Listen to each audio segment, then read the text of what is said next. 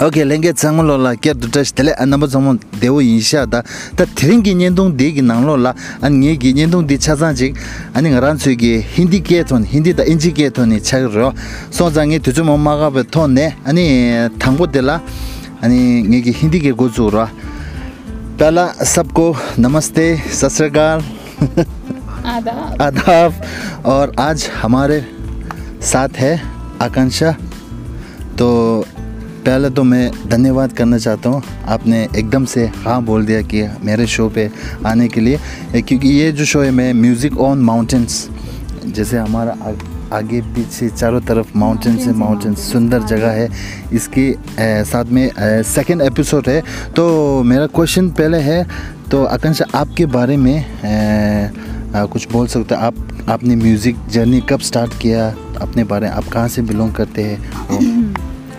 सो मेरा जो घर है जहाँ मेरे पेरेंट्स रहते हैं वो है फरीदाबाद में। वो दिल्ली के पास रहता है दिल्ली के आउटस्कर्ट्स में बोल सकते हैं हम लोग। अ, वैसे ओरिजिनली जो मेरे अ, वो थे एंसेस्टर्स थे they were from Multan. Multan. Which is in Pakistan right now मतलब अच्छा। पंजाब वहाँ का पंजाब। तो वहीं से बिलोंग करते हैं ओरिजिनली मेरे पेरेंट्स और जो ताई जी, ताई, ताऊ जी और एक जो बड़े लोग हैं घर के बुज़ुर्ग। बट हम फरीदाबाद में पैदा हुए, वहीं बड़े हुए और अब यहाँ हैं आपके सामने। हाँ तो मतलब आपका जो म्यूज़िक का जर्नी है ना, वो कहाँ से मतलब आपका उसको क्या बोलते हैं, सुरीला? आवाज़ आपने कैसे कब पहचाना और कहाँ से शुरू हुआ ये जर्नी ये मेरा जर्नी ना शुरू हुआ था स्कूल में थी जब मैं तब। अच्छा। स्कूल में ऐसे ही गाना गाती रहती थी ऐसे गुनगुनाती थी। एक टीचर ने एकदम से पकड़ लिया एक बार अरे लड़की तुम गाना गा रही हो ये कैसे गा रही हो? इतना अच्छा गा रही हो करके। फिर स्टेज में खड़ा कर दिया फिर स्टेज में खड़ा किया। एक्चुअली हुआ क्या पहले मेरे भाई मेरा ब्रदर है ना अच्छा। उसको स्कूल में ऐसे किसी टीचर ने पकड़ा। और मेरे पेरेंट्स ने उसको सिखाना शुरू कर दिया। वो सीखता नहीं था घर पे टीचर आता था वो सीखता नहीं था। और मैं ऐसे दूर से देखती थी उसको कि क्या कर रहे क्या कर रहे। और फिर मैं अगले दिन दो तीन दिन बाद मैंने गाना शुरू कर दिया। और अच्छा। भाई कहता मुझे नहीं सीखना। और मैंने बोला मुझे सीखना। I was a small kid then फिर वहाँ से मेरा सीखना वहाँ से स्टार्ट हो गया आपका जर्नी म्यूज़िक का जर्नी चलो ठीक है फिर तो फ़िलहाल आप अभी यहाँ भीड़ पे कैसे हैं? हाँ, ये ना बहुत ही अलग क्वेश्चन है क्योंकि अच्छा क्या ना हमारे म्यूजिशंस की ज़िंदगी ना बड़ा ही स्ट्रगल है। वैसे तो सबकी ज़िंदगी में ही है हाँ जी हाँ पर जी पैसा कमाना और क्या करना है क्या नहीं करना है कुछ पता नहीं था। उस समय जब मैं यहाँ आई मैंने अपना गाड़ी उठाया पापा का गाड़ी चुराया बोला बाय बाय और मैं एक कुत्ता बिठाया अपने साथ मतलब मेरा कुत्ता और उसके साथ मैं आ गई। मेरे को पता नहीं था मैं बीड़ आऊँगी कहाँ आऊँगी। अच्छा। कुछ नहीं पता था। मैंने गाड़ी उठाया। आया मेरे को लग रहा था मैं शायद पार्वती वाली साइड जाऊँगी कहीं कुछ करूँगी बढ़िया अच्छा चीज़ें। तो सीधा यहाँ टपक सीधा यहाँ टपक फिर यहाँ ऐसा टपकी कि अभी दो साल हो गए अब यहाँ से निकल ही नहीं पा रही। हाँ। निकलना ही नहीं यहीं सेटल होना है। हाँ ये सही बोला। वैसे हम लोग बोलते हैं beer is a trap trap yes it is a trap तो आ, इसके बाद मेरा क्वेश्चन है कि जैसे हमारे म्यूज़िक में बहुत टाइप्स के होते हैं ना क्लासिकल होते हैं रॉक होते हैं पॉप होते हैं तो आप किस मतलब म्यूज़िक पे ज़्यादा मतलब आ, वो होते हैं? मेरे को मुझे इंटरेस्ट है फ़र्स्ट जो है सबसे ज़्यादा जो मेरे को इंटरेस्ट है वो है इंडियन क्लासिकल में। इसमें जो हमारे राग होते हैं इतना वास्ट है कि हम अभी इस अभी अगर बारिश होता है तो बारिश के लिए राग आ जाएगा। अभी धूप निकलती है तो उसके लिए अलग राग निकलेगा। सनसेट के लिए अलग राग है सनराइज सनराइज के लिए अलग राग। मतलब? राग मतलब जैसे सात सुर है हमारे पास। अच्छा, सारे गा मा सारे हाँ, सा। हाँ। अब अलग अलग तरीके सारे गा मा पा नी सा। इसका वाइब अलग हो गया। सारे गा पा ये अलग वाइब हो गया। तो मतलब हर राग का मूड अलग है।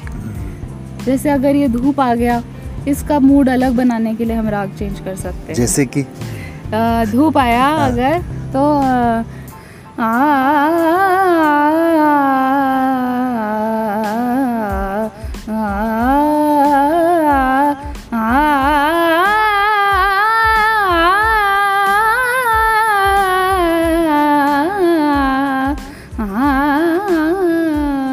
तो ये ये मूड अलग हो गया मूड मतलब मौसम और हाँ। टाइम के हिसाब से ट्यून भी चेंज होते हैं ना? हाँ बिल्कुल। ठीक है। गज़ल में? ये इंडियन क्लासिकल हाँ। जैसे मैंने आपको एग्जांपल दिया। तो ये क्या है ना रूट है ये। हाँ। अच्छा। जैसे यहाँ वो घर बन रहा है आप देख रहे हैं ना अच्छा। उसमें वो जो पिलर लग रहा है हाँ। वो इंडियन क्लासिकल है म्यूज़िक के लिए। अच्छा। इंडियन म्यूज़िक के लिए। फिर ईंटें लग रही है। अलग अलग सेक्शंस हैं। तो ऐसे ही गज़लों का सेक्शन अलग है सेमी क्लासिकल का सेक्शन अलग है। अभी इंडिपेंडेंट म्यूज़िक अलग पॉपुलर हो रहा है हाँ। धीरे धीरे है ना? बट सब कुछ निकलता अपना इंडियन क्लासिकल से ही है। अच्छा इंडियन Everything. क्लासिकल से। हम्म, तो अभी आजकल मैं गज़लों को एक्सप्लोर कर रही हूँ। हम्म, तो गज़ल? हाँ, गज़लों को कर रही हूँ एक्सप्लोर लेट्स सी कैसे जाता है आगे। अच्छा तो गज़ल में आप किसको मतलब फॉलो करते हैं मतलब? बहुत टफ क्वेश्चन है ये। काफ़ी लोग हैं इकबाल बानो जी हैं एंड फरीदा खानम जी हैं मेहदी हसन साहब हैं। बहुत है अलग जगजीत जगजीत जगजीत जी है। हाँ। उनकी कितनी सारी गज़लें हैं। बहुत बहुत है। मैंने भी हम लोग ज़्यादातर जगजीत सिंह का बहुत हाँ, फॉलो करते हैं। रूह को एकदम छूता है हाँ। गाना। बहुत मतलब वास्ट है बहुत। मतलब किसी को हम एक को अच्छा नहीं बोल सकते। सब लोगों ने इतना कंट्रीब्यूट किया है ना। हाँ। म्यूज़िक में मतलब सबका अपना अपना जो एक होता है ना म्यूज़िक का ट्यून अलग होता है अपना ओरिजिनल अलग होता है ना सबका। वही है। हम्म। चलो थैंक यू तो इसके बाद मेरा क्वेश्चन है आप मतलब म्यूज़िक को एक शब्द में अ, क्या क्या रख सकते हैं? एक शब्द और वो थोड़ा एलेबरेट करके। I would say life life music is my life yes क्योंकि अगर म्यूज़िक नहीं होता तो आए मैं ज़िंदा नहीं होती मुझे लगता है। ऐसा भी एक स्टेज आया था जब इतना डिप्रेस्ड लाइफ था। हम सभी का था को कोविड था कोरोना था। दो साल ऐसे खाली बैठे हैं सब लोग। म्यूज़िक नहीं होता अगर मैं प्रैक्टिस नहीं कर रही होती या मैं सिखा नहीं रही होती अगर। ऑनलाइन सीख वो तो अच्छा। चलो हमारा ज़माना बदला है। ऑनलाइन हम सिखा सकते थे। तो अगर म्यूज़िक नहीं होता तो पता नहीं मैं क्या करती। Music is your life yes अच्छा आप साथ में म्यूज़िक के लोगों को अ, मतलब सिखाते। हाँ जी। अच्छा अच्छा। सही है। चलो। मैंने पढ़ाई म्यूज़िक में करी। हाँ म्यूज़िक हाँ। तो इसके बाद मेरा एक क्वेश्चन है कि आप मतलब अलग अलग जगह परफॉर्म किया होगा आपने बहुत जगह। तो उनमें से आपका सबसे मतलब अ, मतलब यादगार बोलते हो या तो बेस्ट या तो कौन सा परफॉर्मेंस हाँ ये थोड़ा डिप्लोमेटिक सा आंसर पहले तो मैं दूँगी, फिर एक एक स्ट्रेट आंसर भी दूँगी। तो पहला आंसर तो मेरा ये रहेगा कि सबसे ज़्यादा मज़ा मुझे आता है अकेले इन वादियों में गाने में। जब मैं रियाज़ करती हूँ ना, अकेले यहाँ पहाड़ों पे, मेरे को लगता है ये पेड़ पौधे मेरे बेस्ट ऑडियंस हैं। है ना? इनके अलावा कोई मुझे और अच्छे से सुनता नहीं है। और सेकेंडली अपना जो रियाज होता है ना जब हम प्रैक्टिस करते हैं हम जब खुद गाते हैं खुद को सुनते हैं उससे बे, उससे बेस्ट टाइम अपने लिए कोई नहीं है हम लोग परफॉर्मर्स के लिए। भी सच। हाँ। और हाँ अब अगर टेक्निकली बताऊँ तो मेरा एक स्वर्ण स्वर भारत में अभी एक परफॉर्मेंस हुआ था जी टी पे आया था। आज आज मैंने देखा था हाँ हाँ। तो वो यादगार था मेरा लेट्स सी देखते हैं। हाँ मैंने भी आकांक्षा जी को मैंने म्यूज़िक एथॉन है ना, उसमें मतलब देखा था और बहुत वहाँ से मतलब जर्नी स्टार्ट हुआ मेरा आप, आपके साथ। चलो आप एक ऑडियंस के लिए, हमारे ऑडियंस के लिए एक गाना हो जाए।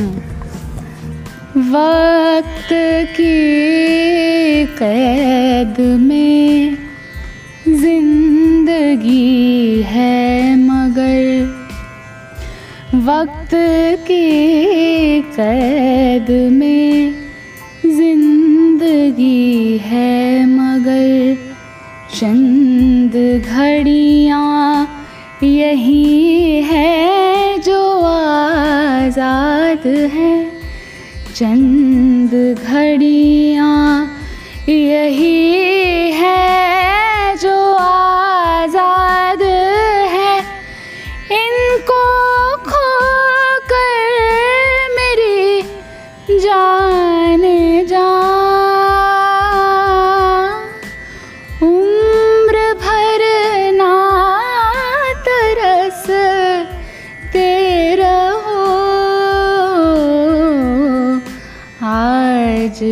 जाने की जिद।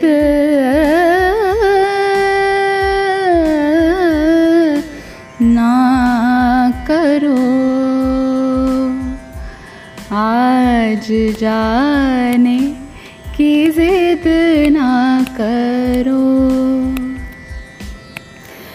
यूँ ही पहलू में बैठे रहो।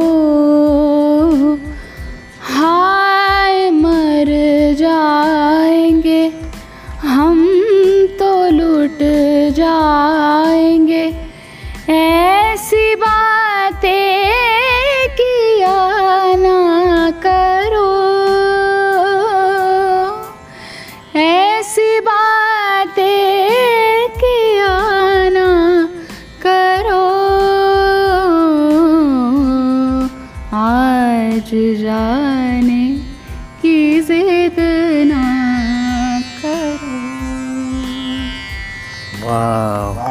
बहुत बहुत बहुत सही।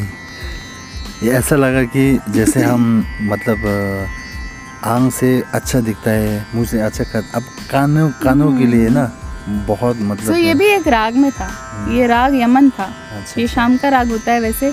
नीरे गा मा पा मा दा नी सा सा नी दा पा मा धा मा मा रे गा मा मा रे ग रे नी सा। तो ऐसे अलग अलग राग हैं अलग अलग इसमें बहुत इसी राग में बहुत सारे गाने हैं जैसे अच्छा, बॉलीवुड के कितने सारे सॉन्ग्स हैं हमारे पास। पुराने गाने सुनते हैं आप पुराने हाँ, गाने? हैं पुराने गाना मुझे बहुत पसंद। पसंद है? है शब्द बहुत अच्छा होता हाँ है ना। जैसे वो गाना है नाम गुम जाएगा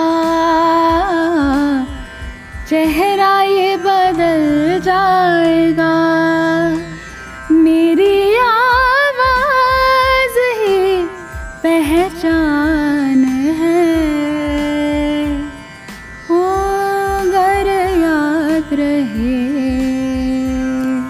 सेम राग। बहुत सारे गाने ऐसे आपका आवाज़ आपका पहचान है भाई। बहुत सही बहुत अच्छा बहुत अच्छा मतलब अभी मेरे पास शब्द नहीं है। हाँ सुपर से भी ऊपर है। अच्छा चलो थैंक यू सो मच मेरा लास्ट क्वेश्चन है इन इसमें नहीं है। हम्म, तो मैं मैं ऐसे मतलब अभी मैं ऐसे अ, दिमाग पे आ गया ना। जैसे हम लोगों का आवाज़ होता है अ, हमारा जो शरीर है जो सब एज के हिसाब से मतलब कमज़ोर हो जाता है हम्म। आवाज़ को मतलब एज के हिसाब से कमज़ोर होते वहीं रहते हैं या चेंजेस होते आप चेंजेस तो होते हैं बिल्कुल होते हैं क्यों नहीं होते हैं तो इसीलिए हम रियाज करते हैं हम्म। अपना बॉडी फिट रखने के लिए हम वर्कआउट करते हैं ना हाँ हाँ जी। वैसे ही हम अपना गला फिट रखने के लिए रियाज करते हैं। रियाज में हमें कम से कम दो तीन जैसे हम जिम जाके दो तीन घंटे वर्कआउट करते हैं ना करते हैं। वैसे ही सुबह उठ के हम लोगों को गर्म पानी उठाना है पहले लेना है उसके बाद सा लगाना है। सा नी दा पा नीचे का रियाज करना है फिर। सा नी दा पा मा पा दा नी दा रे गा मा पा दा नी दा नी दा मा गा रे गा ऐसे लगातार बहुत सारा रियाज करना है अलंकार करने हैं। ऐसे रोज़ करना ज़रूरी है। और लाइफ टाइम म्यूजिशियन के लिए। लाइफ टाइम है ना? हाँ तो तो जाके गला गला स्वस्थ रहेगा। हाँ। चलो बहुत शुक्रिया। अभी मेरा गला ठीक नहीं है मैं अभी अभी कोविड से रिकवर करी हूँ। अच्छा कोविड से। चलो मास्क लाना छोटू। मज़ाक किया चलो बहुत अच्छा लगा आपसे मिलके और मतलब अच्छा। अ, अ, आपने जो गाया है जो मतलब बातें की है वो सब ऑडियंस को भी अच्छा लगा हो तो आपके आकांक्ष जी का मतलब यूट्यूब चैनल है इंस्टाग्राम है। यूट्यूब कौन सा आप बता Akanksha Grover A K A N K S H A G R O V E R Akanksha Grover. And Instagram at the rate A K A N K S H A Akanksha dot Grover G R O V E R Akanksha dot Grover don't forget to subscribe and follow yes तो सभी मेरे प्यारे दर्शकों या इनका जो YouTube channel है उसको सब्सक्राइब कीजिए और सपोर्ट कीजिए और मेरे तरफ़ से अभी जो आपने मतलब गाया जो जो भी बात किया आपको मतलब फ्यूचर में बहुत सारा सक्सेस हो थैंक यू और बहुत सारा प्यार मिले। थैंक यू है ना? चलो। आपको भी मेरी तरफ़ से बहुत सारा प्यार। Thank you thank you so much तो यहाँ पर हमारा जो music on mountain second episode यहाँ पर ख़त्म करते हैं चलो 라스 아니 가서 다른 게 년도 데 다가라 참샤 이로 얘기 드린 게 상마 힌디 톤레로 안 모란라 갭교르 인지민 치로지 सब्सक्राइब द फॉलो समझ चिरो चिरो ता छावा गया से तक दा बारिश भी हो गया बारिश का एक कोई गाना करना है श्योर बारिश कौन सा गाना होता है बारिश में बारिश में जो भी आ, गरज गरज आए कार बदरा। आयो रे सावन मन भावन आयो। अति उमंग लहराए जियरा गरज गरज आए कार बदरा। ये था Raag Malhar. Thank you thank you so much thank you so much for coming in my show thank you for inviting me. Thank you. Salo, rabbit, packet.